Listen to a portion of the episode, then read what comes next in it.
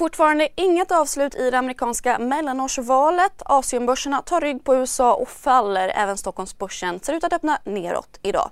Välkommen till det i Morgonkoll.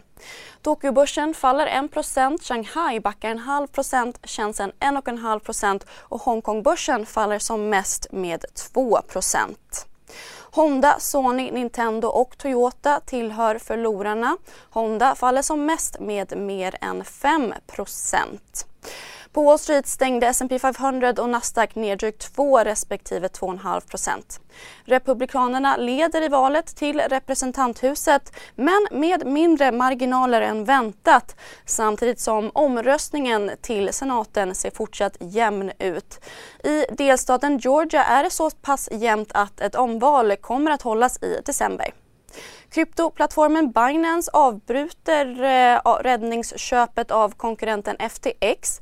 Det meddelade Binance på Twitter igår och hänvisade till missförhållanden inom FTX. Uppgifterna får kryptovalutor att studsa upp något efter tidigare ras och bitcoin stiger till att handlas för drygt 16 500 dollar vilket fortsatt är lägsta nivån på två år.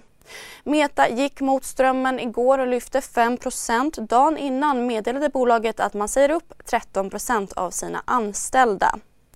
Slutligen till Sverige där klädhandelns försäljning steg 0,2% i oktober mot i oktober i fjol samtidigt som skohandeln sjönk 5,8% Det visar Svensk Handels stilindex. Expressen gör varje vecka podden Politikrummet där vi djupdyker i det senaste och viktigaste inom svensk politik. Med mig, Filippa Rogvall, som programledare tillsammans med mina vassa kollegor. Och det är ju ni som heter Thomas Nordenskjöld, Anette Holmqvist och Viktor Bartkron. Politikrummet kommer med ett nytt avsnitt varje tisdag. Vi hörs.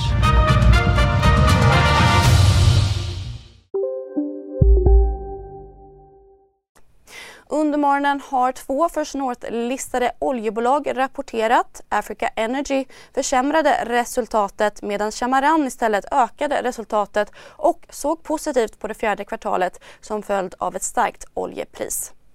Vidare gör Storytel en riktad emission till en rabatt på närmare 6% vilket tillför bolaget 400 miljoner kronor.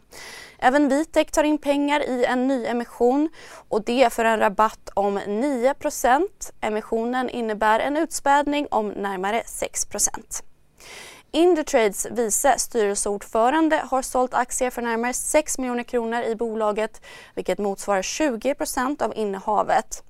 Det har även skett försäljningar i moderbolaget Boost där bolagets VD, kommersiella chef och inköpschef sålt aktier för sammanslaget runt 20 miljoner kronor. Bactiguards största ägare Thomas von Koch har ökat sitt ägande från 19 till 21 procent av aktierna. Viaplays VD har istället köpt aktier i bolaget för 3 miljoner kronor vilket även meddelades om under kapitalmarknadsdagen igår. Aktien föll 8% under dagen. Idag får vi rapport från Stockholmsbörsens största bolag AstraZeneca som gått starkt och lyft 25 på börsen i år. Utöver det är det 19 bolag på Stockholmsbörsen som rapporterar och vid halv tre redovisas amerikansk inflation som tros komma ner svagt till 8% i årstakt. Men först Börsmorgon som vanligt 8.45.